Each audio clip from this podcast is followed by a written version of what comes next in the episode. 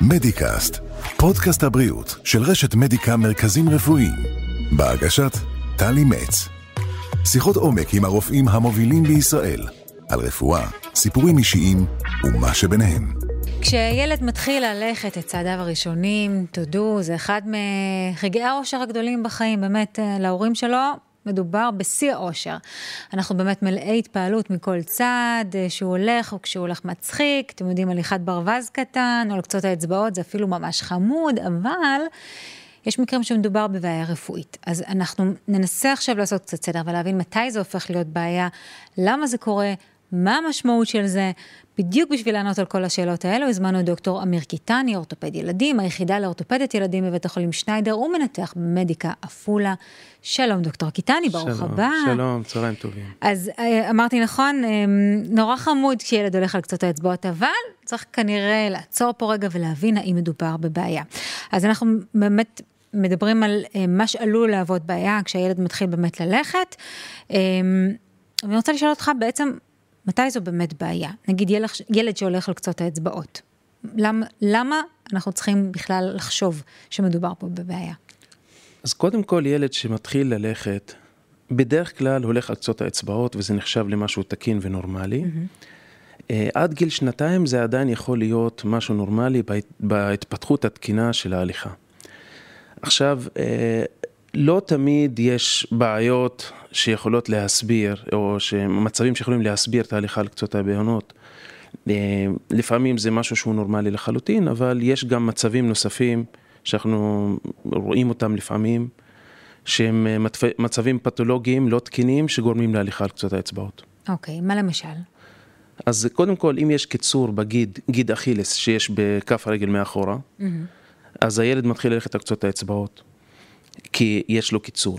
מצבים נוספים כמו קיצור בגפה עצמה, עם הרגל קצרה. Mm-hmm. אם מפרק הירך לא יושב במקום, ילדים שיש להם פריקה מולדת של מפרק הירך או דיספלזיה מולדת שלא טופלה. זה משהו שבאמת בודקים ככה בגיל שישה שבועות? נכון, אז אנחנו בודקים את זה בהתחלה, מנסים לבדוק את זה. ילדים שמפספסים את הבדיקה הזאת, ויש להם באמת התפתחות של אה, בעיה רצינית של פריקה של מפרק הירך, אז כשהם מתחילים ללכת, הם הולכים בצורה לא יציבה ומנסים ללכת על קצות האצבעות על מנת לפצות על ההפרש באורך הרגליים. Okay. אוקיי. אה, יש גם עיוותים נוספים, אה, בעיות נוירולוגיות, מוסקולריות, שיכולות להתבטא בהליכה קצות האצבעות, ילדים עם שיתוק מוחין שיכולים ללכת על קצות האצבעות. אבל הדברים האלה הם יותר נדירים, בדרך כלל זו בעיה אה, פתירה, ועד גיל שנתיים רוב הילדים האלה מסתדרים וחוזרים ללכת בצורה פלנטיגרדית, בתבנית הליכה רגילה של עקב ואז בעונות, לא בעונות ואחרי זה עקב. חשוב באמת אולי להורים הצעירים שבינינו, שיבינו מתי הם צריכים באמת, מתי צריכה להידלק להם נורה אדומה, מתי הם צריכים להבין שמדובר פה בעיה, או איך, אם הם חושדים שמשהו לא תקין בהליכה של הילד, מה הם צריכים לעשות? אז אה, עיוותים שכיחים יכולים להיות גם ילדים שמכניסים את הרגל פנימה, שמוציאים אותה החוצה, שעל העיוותים האלה שהם מאוד שכיחים אנחנו לא נדבר היום, אבל נדבר על עיוותים של רגלי X ורגלי O. Mm-hmm. ילדים שכשמצמידים את כפות רגליים אחת לשנייה רואים שהברכיים רחוקות אחת מהשנייה, mm-hmm. או הפוך, כשמצמידים את הברכיים אז הברכיים נוגעות אחת בשנייה וכפות רגליים רחוקות. כמו רגלי חזיר קוראים לזה, נכון? זה כזה... אז, אז זה רגלי X בעצם, זה גן וולגום, ורגלי O זה גן וורום. Mm-hmm. עכשיו, בהתפתחות התקינה ילד נולד בדרך כלל עם רגלי O, mm-hmm. הברכיים רחוקות אחת מהשנייה וזה תקין וזה טבעי.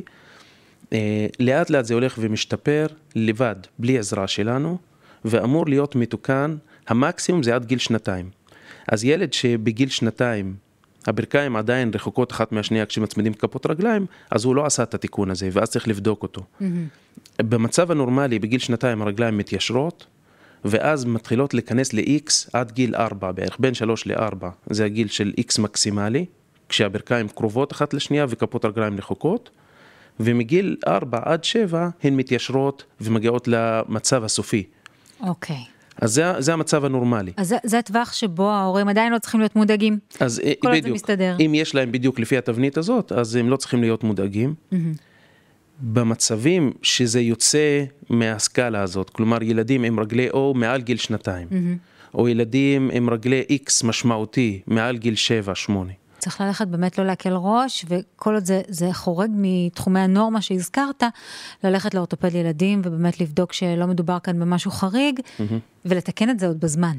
כי אחר כך זה עלול להיות מסובך מדי. פשוט צריך לבדוק ולראות קודם כל האם יש קיצור בגיד או לא. אם אין קיצור בגיד אכילס, אז אנחנו מתחילים כבר אה, ללמד את ההורים לעשות מתיחות, ללמד את הרגל, אה, ללמד את הילד ללכת בצורה נורמלית.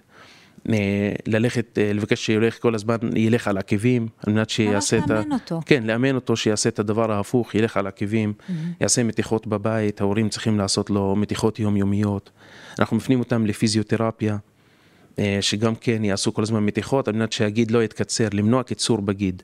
אוקיי. Okay. עכשיו, אם הילדים האלה מסתדרים עם המתיחות האלה, אז סיימנו, לא צריך לעשות כלום. אבל? ילדים שלא מסתדרים, ואז צריך באמת להתערב. אז יש את השלב הבא של לשים להם גבס. Mm-hmm. גבס, ממש גבס. גבס, ממש, גבס מתחת לברך. ואז הם הולכים עם הגבס הזה למשך חודש. כך אנחנו מנסים לשבור את תבנית ההליכה הזאת. ואנחנו מדברים על ילדים בריאים עכשיו. ילדים שוכרים על קצות האצבעות שאין להם בעיות נוירולוגיות ואין להם שום מחלה כן. אחרת. רק פשוט הם הולכים כי התרגלו ללכת ככה. אז, אז בוא נגיד שיש כמה אופציות באמת אה, לטיפול, כמו פיזיותרפיה, כמו סדים, אה, לפני שמגיעים לפתרון שהוא פתרון כירורגי. בוא באמת, הזכרת את זה בתחילת דבריך, בוא באמת נדבר על האופציות הניתוחיות. Mm-hmm. מתי זה הופך להיות הברירה היחידה שניצבת בפני ההורים והילד? אם הילד ממשיך לגדול ואנחנו לא מצליחים בשום דרך לגרום לו ללכת רגיל, הוא הולך רק על קצות האצבעות, ואין לו קיצור עדיין בגיד, אנחנו מושכים את זה ומושכים.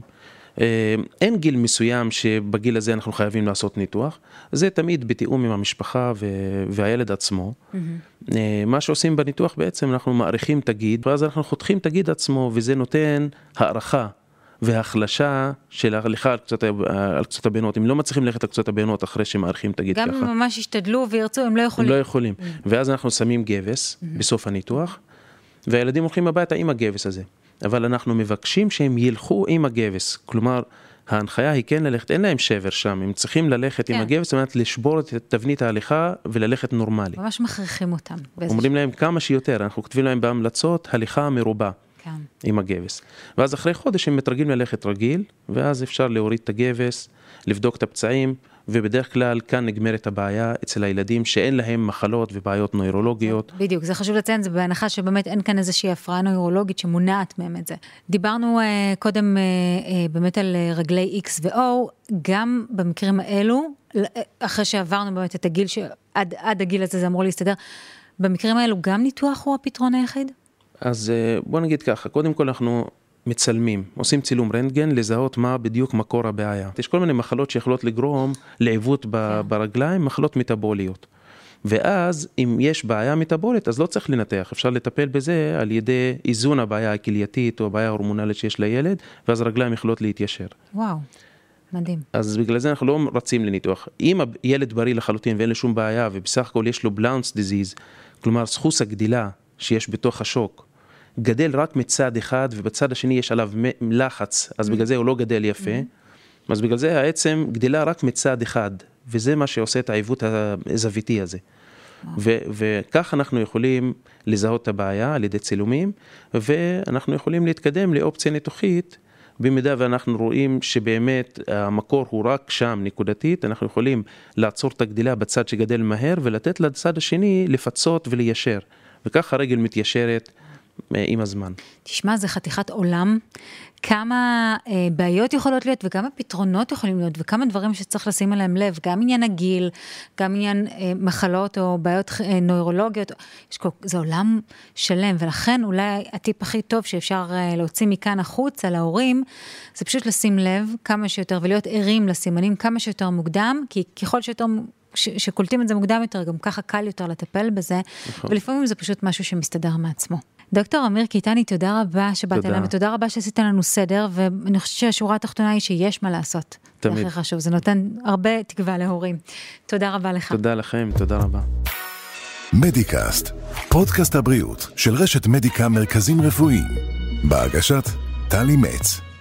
שיחות עומק עם הרופאים המובילים בישראל, על רפואה, סיפורים אישיים ומה שביניהם.